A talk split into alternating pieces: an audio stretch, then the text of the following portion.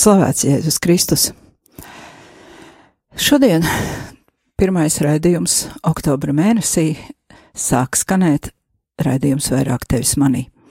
Kā parasti pirmdienas vakaros esmu ar jums kopā, es, Sandra Preisa, un tā kā ir sācies jauns mēnesis, un šodien mums ir arī rožkroņa karalienes diena, un ir sācies arī rožkroņa mēnesis oktobrī, tad mums šodien būs tematisks raidījums, eh, bet ne tikai par to. Man viens jautājums jums, atcerieties, tie, kas klausījās pagājušā reizē, vai izdevās palasīt uh, gudrības grāmatas, kādu no gudrības grāmatām? Uh, tiem, kas neklausījās iepriekšos raidījumus, pastāstīšu, ka iepriekšējos divos raidījumos mēs lasījām karmelītu tēva Reinharda Kērnera pārdomas par kopā sadzīvošanu multikulturālajā Eiropā, un kopīgi nācām pie secinājuma, ka visus cilvēkus vienojošais elements ir spēja sadzirdēt gudrību un rīkoties atbilstoši šai gudrībai, kura, kā saka autors, ir karaliskais ceļš, kas nozīmē dažādu kultūru, reliģiju un pasaules uzskatu līdzās pastāvēšanu. Šīs pārdomas ir balstītas vienā no Bībeles grāmatām, eh, kuru var arī izlasīt jaunajā Bībeles tulkojumā, un to sauc par Salamana gudrības grāmatu. Eh, ja jūs vēlaties šo grāmatu izlasīt, tad tā ir atrodama tikai izdevumā, kurš ietver tā sauktās deuterokanoniskās grāmatas, jo katoļi un pareizticīgie eh, šo grāmatu un vēl dažas citas ir iekļāvuši tā saucamajā Bībeles kanonā, bet protestanti šo un arī vairākas grāmatas, izņemot šo, neatzīst par kanoniskām. Latviešu valodā līdz šim eh, šīs grāmatas eh, ir vairāk bijušas pazīstams ar nosaukumu apokrifi. Vienkāršā valodā runājot, šī Salmana gudrības grāmata un arī Siraha dēla gudrības grāmata ir atrodamas tikai jaunajā biezajā bībelē, un vēl tādā grāmatā, atsevišķā grāmatā, kura saucas Deitero kanoniskās grāmatas. Tās grāmatas ir vēl vismaz internetā atrodamas, un Deitero kanonisko grāmatu es šodien pat atradu PDF formātā ielādējamu. Tātad, ja jums ir vēlēšanās šīs grāmatas izlasīt, dabūt viņas var. Kopā gudrības grāmatas ir piecas, un pārējās trīs gudrības grāmatas Ieba grāmata sakām vārdu un mācītājs ir izlasāmas arī standarta bībelēs, protestantu bībelēs, jo tās ir arī viņu kanonā, vecajā derībā. No sirds iesaku jums palasīt, lasīt un pārlasīt šīs grāmatas. Daudzi svētie tās ir mīlējuši un no tām iedvesmojušies. Un ap jauno gadu es jums apsolu iepazīstināt jūs ar vēl vienu svēto ar kādu dominikāņu priesteri mūku, kurš arī ir bezgalīgi mīlējis šo valdzinošo gudrības kundzi. Uh, sezonas sākumā es jau teicu, ka šajā sezonā mēs diezgan daudz uh, pievērsīsimies Dominikāņu garīgumam, taču divus vakarus tagad esam iepriekšējos baudījuši no karmelītu garīgajām bagātībām. Taču šovakar uzzināsim kaut ko iespējams jaunu par sprediķotāju ordeni jeb dominikāņiem. Tie, kuri seko līdzi notikumiem baznīcā un arī klausās priesteru katehēzes, jau zina, ka oktobrs ir nevien rožkroņa mēnesis, bet pāvests Francisks to ir izsludinājis arī par ārkārtējo misiju mēnesi. Un tādēļ oktobra raidījumos Eh, vairāk runāsim par misiju. Un tā, tā kā oktobrī visi raidījumi ir par misiju, tad mēs tā kā savā starpā raidījumu veidotāji sadalījām, un es vairāk stāstīšu par Dominikāņu ordeņa misiju tieši. Tātad pirmdienu vakaros, oktobra laikā, četri raidījumi, vairāk tevis manī, kuros mēs iepazīsimies ar to, uz kādu misiju pasaulē ir aicināti dominikāņi. Tagad palūksimies, un tad misija Dominikāņu galmē. Lūksimies! Dieva tēva un dēla un svētā gara vārdā Āmen. Tēvs, mēs tevi lūdzam par mieru pasaulē. Palīdzi atrisināt globālos konfliktus miera ceļā un sargi savus vajātos bērnus visā pasaulē. Mēs lūdzam par bēgļiem, par tiem, kuri ir zaudējuši visu - dzimteni, mājas, mīļos cilvēkus, darbu un iespēju strādāt un nopelnīt iztiku par tiem, kuri svešumā tiek uzskatīti par otrās šķirs cilvēkiem un cieši no slēpta vai atklāta rasisma, par tiem, kuri šodien svin savas dzimšanas dienas un svētku sajūtas vietā piedzīvo vientulību un skumjas. Mēs lūdzam, lai cilvēki varētu brīvi paust savu ticību un netiktu vajāti savu uzskatu dēļ. Tēvs uzklausi mūsu lūgšanu, un mūsu sauciens, lai nonāk pie tevis. Tēvs mūsu, kas esi debesīs, Svētīts lai top tavs vārds, lai atnāk tava valstība, tavs prāts, lai notiek kā debesīs, tā arī virs zemes. Mūsu dienascho maizi dod mums šodien, un piedod mums mūsu parādus, kā arī mēs piedodam saviem parādniekiem, un neieved mūsu kārdināšanā, bet atpestī mūsu no ļaunā. Āmen!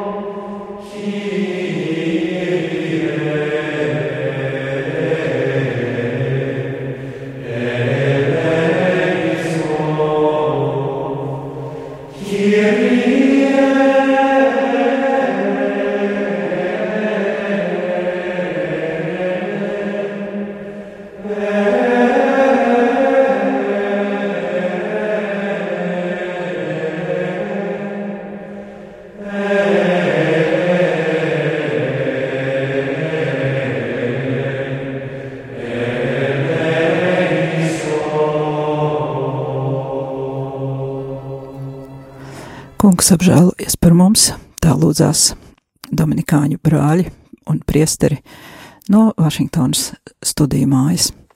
Jūs ierīcēs skan rādījumā arī Latvija, raidījums vairāk tevis manī. Ēterā ar jums es Sandra Preisa, un kā jau pieteica, šovakar runāsim par misiju Dominikāņu gaumē. Nezinu, vai un cik jūs esat dzirdējuši par sprediķotāju ordeņiem Dominikāņiem gan pasaulē, gan Latvijā. Liepainieki noteikti zina svētā Dominika klostera brāļus un māsas misionārus, kurus kalpo pie svētā Mēnarda baznīcas. Rīgā, Rīgā Mārupas iedzīvotāji iespējams ir vismaz gājuši garām Betānijas Dominikāņu māsu svētā Jāzepa klosterim, vai varbūt arī tur aktīvi piedalās kādās māsu aktivitātēs. Lai runātu par Dominikāņu misiju, ir mazliet jāzina šā ordeņa struktūra un garīgums. Iespējams, ka esat dzirdējuši tādus nosaukumus kā pirmais ordenis vai trešais ordenis, retāk arī otrais ordenis. Neiedziļinoties kanoniskajos līkločos, īsi e, šos nosaukumus varētu skaidrot tā. Pirmais ordenis ir brāļi priesteri.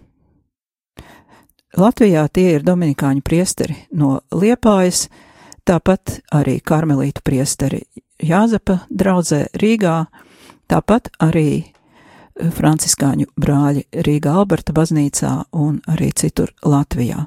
Tātad tas ir pirmais ordenis - brāļi priesteri. Otrais ordenis ir mūķenis. Sievietes, kuras dzīvo slēgtajos klosteros. Mums Latvijā tāds klosters ir tikai viens - karmelītiem Ikšķilē. Pareizi būtu saukt šīs sievietes tieši par mūķenēm, bet par māsām tās, kuras nedzīvo slēgtā klosterī un strādā pasaulē, kā piemēram Betānijas māsas, māsas kalponis un tam līdzīgi. Trešajam ordenim pieder lāji, kuri savu iespēju robežās izdzīvo attiecīga ordeņa garīgumu, piemēram, dominikāņu garīgumu, sekojot speciālai lāju regulai.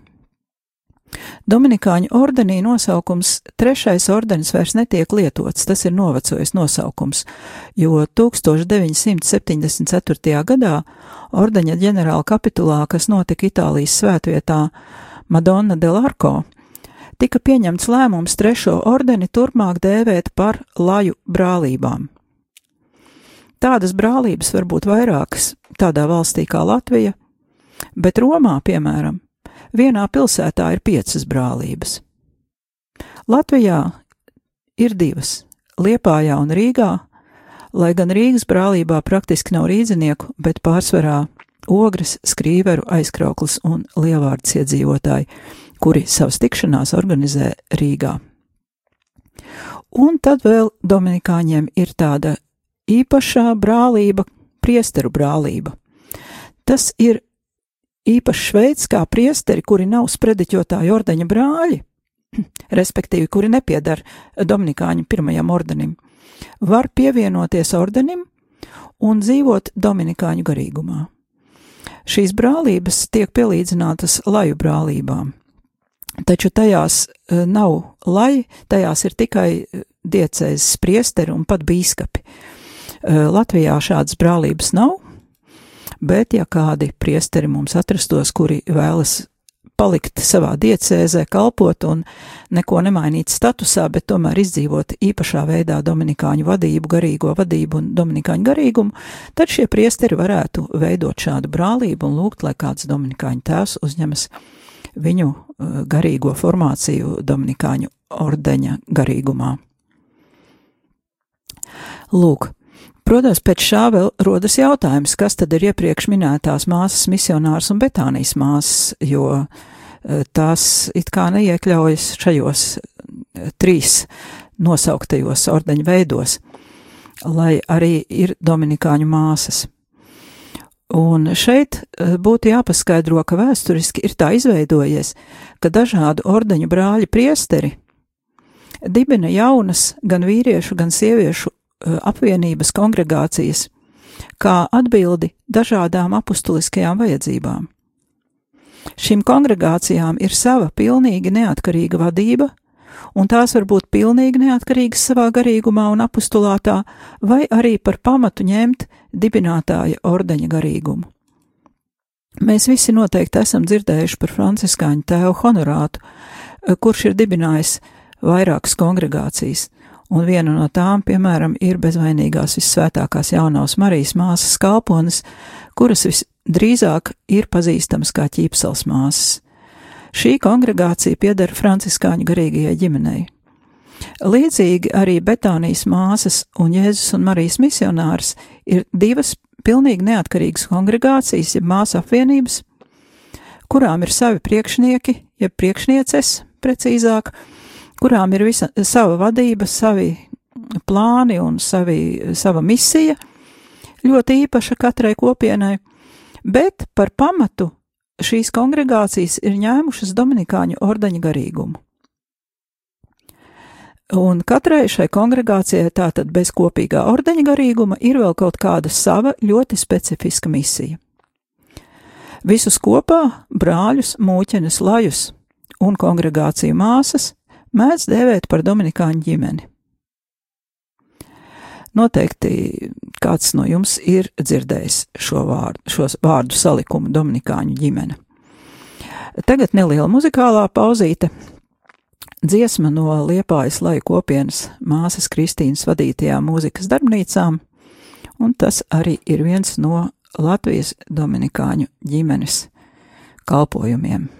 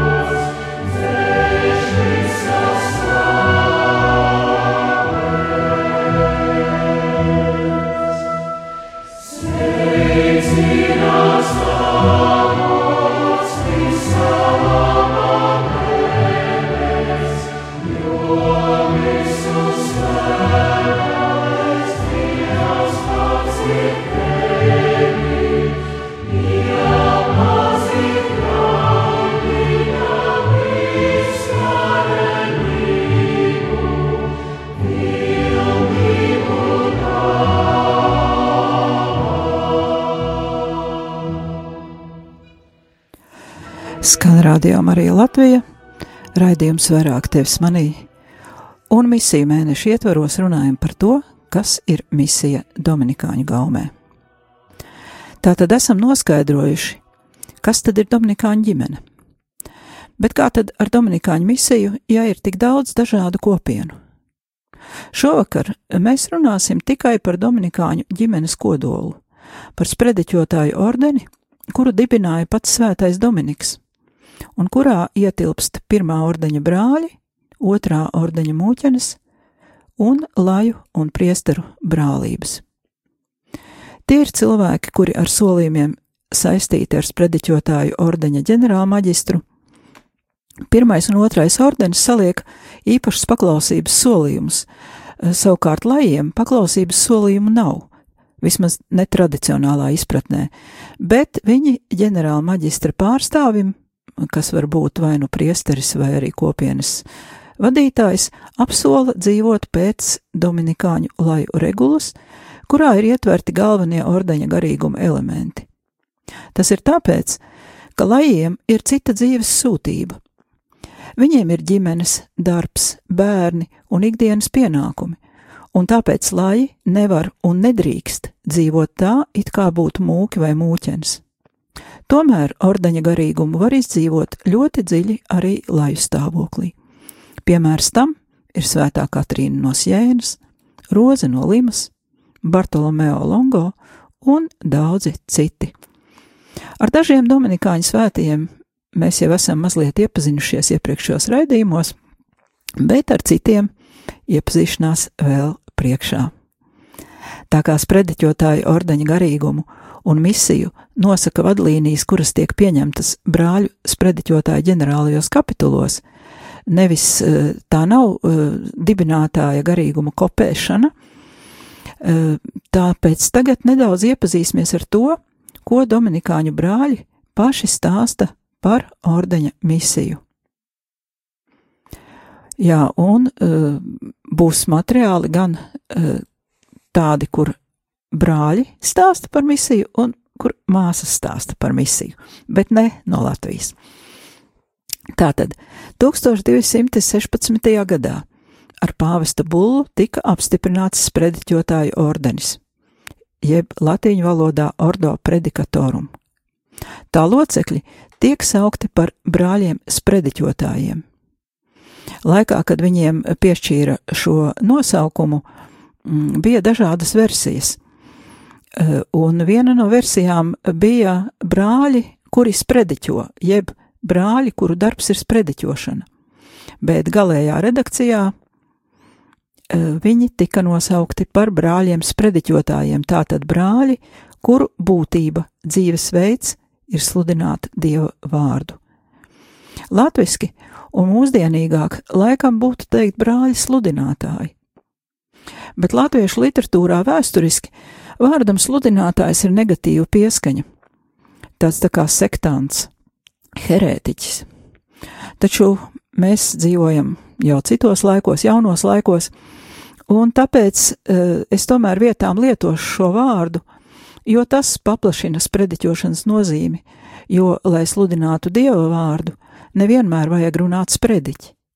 Sludināt mēs varam ar savas dzīves liecību, ar kalpošanu, ar labiem vārdiem un darbiem. Dominikāņu ordenim ir vairākas devīzes jeb saukļi, kuri raksturo gan ordeņa garīgumu, gan ar to saistīto misiju. Pirmais ir veritas, latīņu valodā patiesība. Tas nozīmē meklēt, sludināt, aizstāvēt, sargāt patiesību. Otrais sauklis, jeb devīze, ir kontemplāre et contemplata alīs tradēre latīņu valodā. Tas nozīmē kontemplējiet un dalieties ar citiem kontemplācijas augļos, jeb tajā, ko jūs esat sapratuši, jeb izlaiduši caur sevi. Tātad nosacījums sludināšanai ir vispirms pašam kontemplēt, saprast, un tikai tad sludināt citiem to, ko esi sapratis. Trešais sauklis - laudāre, benedicere, predikāre. Atkal latīniski. Nozīmē slavējiet, svētījiet un sludiniet. 2016. gadā ordenis nosvinēja 800 gadu jubileju, un tagad paklausīsimies nelielu fragmentiņu no jubilejas himnas un ieklausieties piedziedājuma vārdos.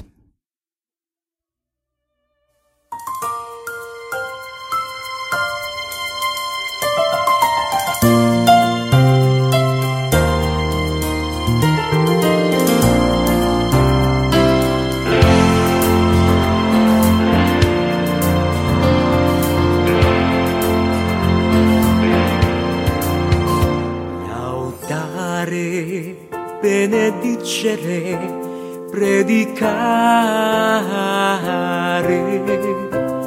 laudare. We praise our Lord with our saints. Benedicere, we lift our voice in song. Predicare, we proclaim your word to the world. Laudare, benedicere predicare.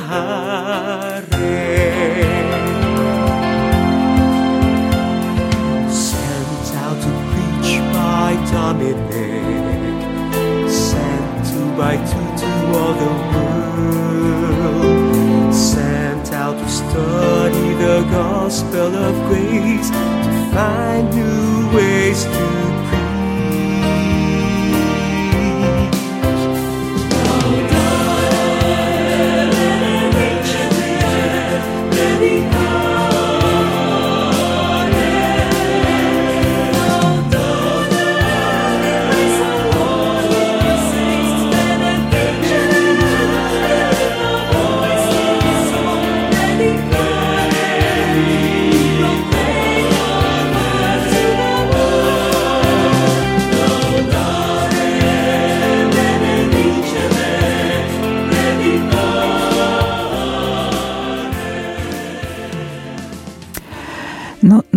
sadzirdējāt šo dominikāņu devīzi - laudāre, benedicere, predikāre, tikai itāļu valodā, un tad viņi uh, mazliet savādāk to izrunā.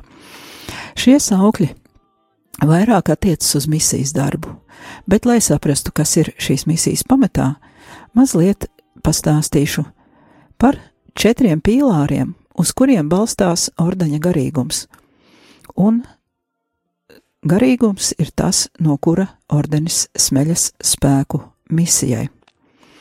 šoreiz izmantošu ASV māsu sagatavotu materiālu, jo tas ir īss, labi saprotams un mūsdienīgā valodā. Angliski eh, šis teksts eh, attiektos kā uz sievietēm, tā uz vīriešiem, jo angļu valodā mm, nedalās dzimtes, bet eh, latviski man bija problēma mazliet šo tulkot. Tādēļ, ka, ja es runāšu sieviešu dzimtē, liksies, ka tas ir domāts tikai sievietēm, tāpēc tulkojumā lietošu vīriešu dzimti, jo kaut kā mums latviešu valodā tad, ja runā vīriešu dzimtē, kaut kā mēs neatiecinam to tikai uz vīriešiem. Un tad sapratīsim, ka tas, par ko mēs tagad runāsim, klausī, jūs klausīsieties, attiecas gan uz vīriešiem, gan uz sievietēm. Ja? Un vēl viena piebildīta, tekstā būs atsauce uz 1206. gadu, lai gan es tikko teicu, ka jubileja bija 2016. gadā. Bet te nav kļūdas. Dominiks vispirms nodibināja sieviešu klosteri, un mūķenes svinēja jubileju divas reizes. 2006. gadā savēju un 2016. gadā visa ordeņa jubileju. Nu, bet tagad kas atrodas Dominikāņu misijas celtnes pamatos? Lūk, kā to apraksta Dominikāņu māsas no ASV, kuras ir dibinājušas un vada Moloju koledžu Rokvilas centrā Ņujorkā.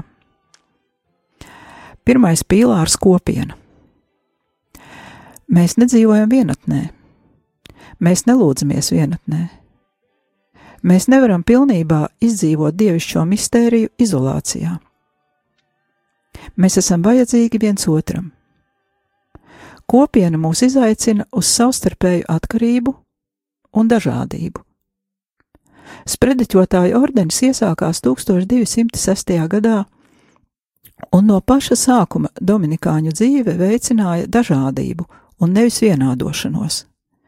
Būt Dominikānim nozīmē svinēt vienotību dažādībā. Tas liek uzdot jautājumus, bet kā tad ar kopīgo labumu? Kā mēs varam dot telpu citiem un viņu vajadzībām? Jā, tas ir Izaicinājums, bet jāsaka, ka Dominikāņu ordenis jau 800 gadus ar to gluži labi tiek galā. Otrais pīlārs. Dominikāņu dzīves pašā sirdī ir lūkšana. Tā kā mēs esam aicināti dalīties ar kontemplācijas augļiem, tad privātā lūkšana tradicionāli ir kopīgās lūkšanas sastāvdaļa it īpaši stundu liturģiju un evaharistiju. Tas ir avots, no kura izplūst mūsu dzīve un kalpojums. Dominikāņu garīgums uzskata katru personu par unikālu, un par unikālām arī šīs personas attiecības ar Dievu. Tā kā esam formēti atbilstoši mūsu personīgajām īpašībām un saņemtajām dāvanām, tad mūsu meditācija un kontemplācija var izpausties atšķirīgās formās katrai personai. Trešais pīlārs - studijas un patiesības meklējumi. Svētais Dominiks teica: studējiet nemitīgi. Dominikāņi tic, ka dieva atklāsme ir klātesoša ik brīdi viņu dzīvē. Un šeit es gribētu pārtraukt šo un atgādināt jums, ko mēs dzirdējām par gudrības grāmatu. Uh, Salmana gudrības grāmatā 6, 12, 13 ir teikts tā: Spulga ir gudrība, tā nevīst nekad, kas viņu mīl, tiem viegli pamanāma, kas pēc tās tiecas, atrodama, kas augst, tos apsteidz, pirmā iepazīstinot ar sevi. Tātad studēt nozīmē meklēt dievu. Dominikāņi īpaši studē dieva vārdu, patiesības meklējumos mēs mēģinām dziļi ieklausīties tajos viedokļos, kuriem mēs nepiekrītam. Lai spētu dziļi ieklausīties, mums ir vajadzīgs laiks, lai vide un notikumi mums apkārt palīdzētu mums saprast pašiem savu vietu uz šīs planētas. Un ceturtais pīlārs - kalpošana, jeb misija. Lūkšana, studijas un kopienas dzīve dod mums pārliecību un parāda virzienu mūsu kalpojumam pasaulē. Svētais Dominiks vēlējās, lai mēs atklātu Dievu citiem cilvēkiem ar to, kādi mēs esam un kā mēs rīkojamies kā personas. Dominikāņi ir aicināti sludināt. Sludināšana ir dziļi saistīta ar to, kas mēs esam kā personas un kā mūs pārveido kalpošana citiem cilvēkiem. Tā par ordeni mums stāsta māsu kongregācija, kuras misija ir izglītības sniegšana citiem. Māsas pašas ir dibinājušas šo koledžu 1955. gadā. Koledža piedāvā pirms bakalaura, bakalaura, maģistra un doktora programmas, kā arī mūža izglītību un studijas online un jauktajās pro programmās. Šīs koledžas 77% pasniedzēju ir ar doktora grādu. Un kas interesanti, tā nav teoloģijas augstskola. Viņiem pat nav vispār teoloģijas priekšmeta kā tāda. Šī augstskola gatavo ekonomistus, grāmatvežus, juristus, medmāsas, mārketinga, komunikācijas speciālistus un tam līdzīgi. Taču augstskola ir kapela, kurā regulāri notiek svētā mise, un augstskola pieder šīm te, šīm te dominikāņu māsām, kuras arī organizē studentiem garīgo dzīvi. Tā ir neatkarīga katoliska augstskola, iesakņota dominikāņu studiju, garīguma, kalpošanas un kopienas tradīcijā, un tiecas uz akadēmisku izglītību, respektējot katru personu.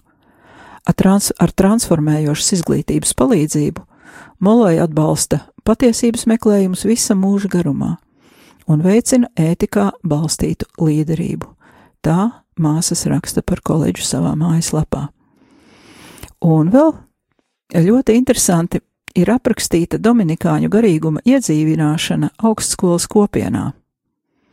Māsas par pamatu ir ņēmušas gada laikus, un gan gada laiku specifiku, gan arī mācību gada specifiku, jo koledža ir mācību iestāde.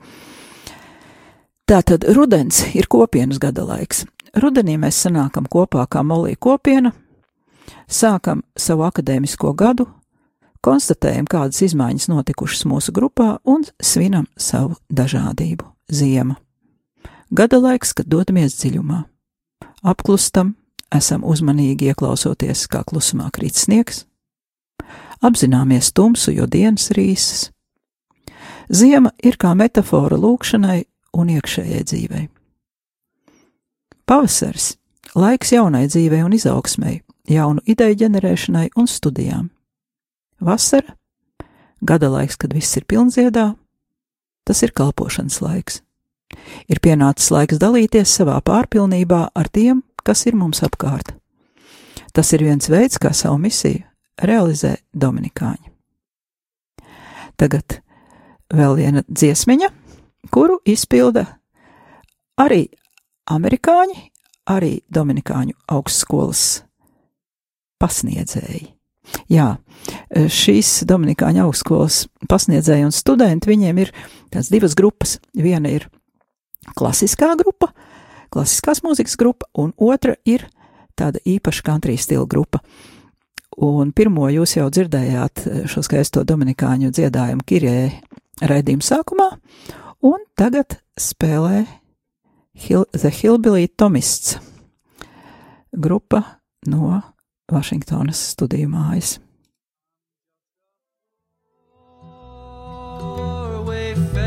stranger traveling through this world below. There's no sickness, no toil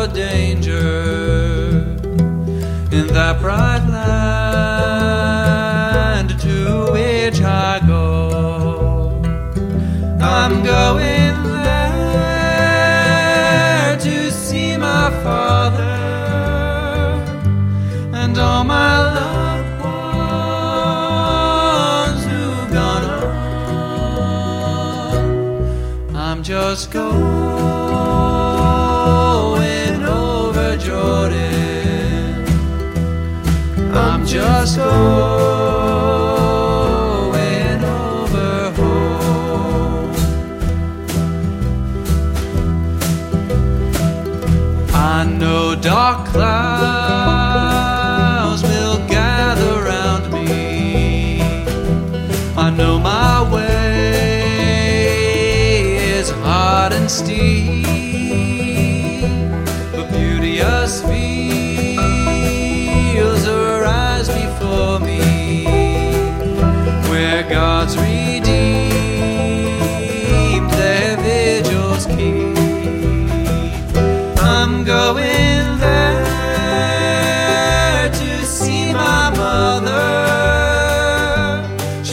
She'd meet me when I come.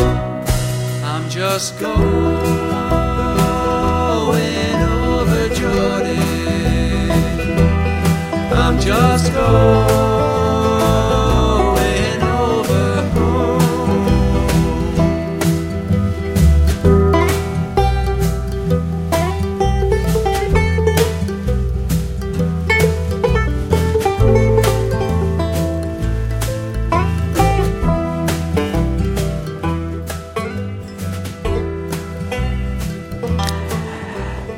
bija Dominikāņu priesteri pasniedzēji no Vašingtonas studiju mājas, kura atšķirībā no iepriekš minētās koledžas ir teoloģijas augstskola.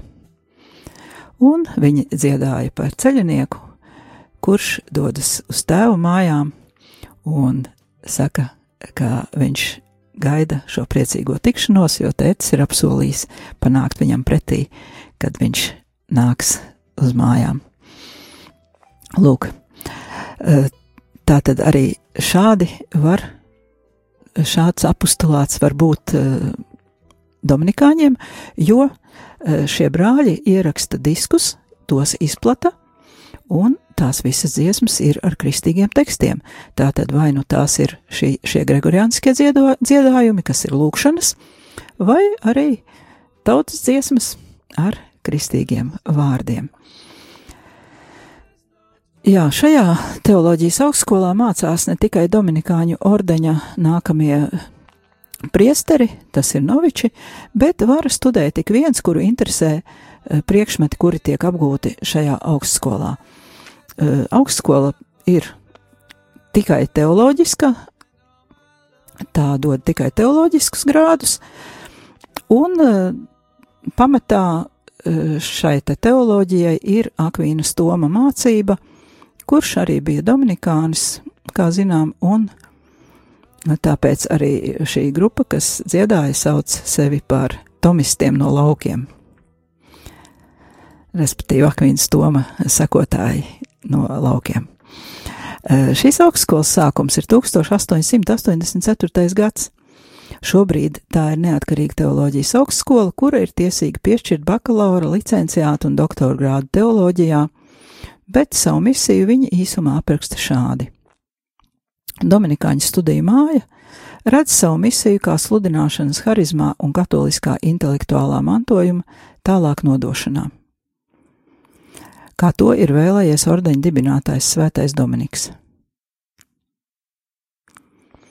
Dominiks izveidoja pasaules mēroga ordeni, kurš ir internacionāls un vienots garīgumā, bet decentralizēts pēc struktūras, lai labāk varētu atbildēt uz baznīcas vajadzībām. Gatavojot sludinātājus gan intelektuāli informētus, gan pastorāli kompetentus. Šī evanģelizācijas misija ir nostiprināta pašos sprediķotāju ordeņa konstitūcijas pamatos, un šis ordenis ir dibināts sludināšanai un dvēseļu glābšanai. Varam arī varbūt pamanīt, kā šis misijas apraksts šai te teoloģiskajai augstskolai, kur ir veidojuši šo aprakstu Dominikāņu priesteri, skan daudz tā zinātniskāk, varētu teikt, un netik ļoti emocionāli, kā skanēja tas apraksts māsu augstskolai un māsu kopienai. Lūk, tagad mēs esam redzējuši jau divus, var teikt, nelielus fragmentus no Dominikāņu misijas. Pastāv divi ceļi, kā, varāt, kā var pētīt lietas. Nu, mēs arī šodien pētām Dominikāņu misiju. Tātad viens ceļš ir no atsevišķā uz kopīgo, otrs no kopīgā uz atsevišķo, un šodien mēs sākām ar pirmo ceļu. Varētu teikt, ka esam tā kā patslēgas caurumu mazliet ielūkojušies divu dominikāņu mācību iestāžu kalpojumā, jo ir skaidri saprotams, ka tas nu nemaz nav viss, ko par šo misiju varētu stāstīt. Tās ir tādas divas atsevišķas mazas, var teikt, misijas, bet tagad pāriesim atkal nedaudz pie kopīgā, kas vieno visas dominikāņu kopienas viņu misijām. Un eh, šodien apskatīsim vienu no šiem te elementiem, tāpēc, ka tikko ir sācies rožkroņa mēnesis. Ielūkuma, ielūkosimies Dominikāņu misijā, kur ir saistīta ar rožkroņa lūkšanas praksi un izplatīšanu. Protams, ka šis ordenis nav vienīgais, kurš būtu uzskatāms par šīs lūkšanas iedibinātāju, tomēr ir daži interesanti vēstures fakti, kas ir saistīti tieši ar Dominikāņiem un sekojošais materiāls būs no ordeņa oficiālās mājaslapas. Šodien mēs laikam visu šo materiālu nepabeigsim, bet nu, mums ir kopā četri raidījumi par Dominikāņu misiju, un tad mēs turpināsim nākamajā reizē. Tātad, nu jau 800 gadu Dominikāņu ordeņa vīrieši un sievietes lūdzās, māca un izplata rožkroni dažādos un ļoti radošos veidos. Dominikāņu lūkšanas tradīcija ir ļoti plaša, un viens no veidiem, kā lūgties, ir turēt rokās uz auklas vai stieples savērtas krellītes un krustu vai krucifiksu, un lūgties rožu kroni. Tagad iedomāsimies dimantu. Lai tas mirdzētu, ir nepieciešams gaismas avots, stari, kas to apgaismo un atstarojas. Un līdzīgi ir ar rožu kroni. Gaismas avots, kas rožu kroņa krēlēm liek atdzīvoties, ir pats Jēzus Kristus. Es esmu pasaules gaisma, viņš pats teica, un to mēs varam lasīt Jāņa evaņģēlijā 8.12. Ar to tad mēs šovakar arī beigsim, paliekam tātad uz šīs te rožu kroņa nots, un nākamajā reizē turpināsim par rožu kroņa misiju Dominikāņu ordeņa izpildījumā, un arī par citām vēl neizrunātām, neiepazītām misijām, kuras arī veids ordenis par tādām kopīgajām misijām, no kurām pēc tam atdalās šīs te kongregācijas vai atsevišķas kopienas, kurām vēl ir kaut kāda katram specifiska misija. Tātad ar to mēs šovakar beigsim. Paldies, ka klausījāties. Tas bija raidījums vairāk tevis manī, un ar jums ēterā biju es, Sandra Preisa.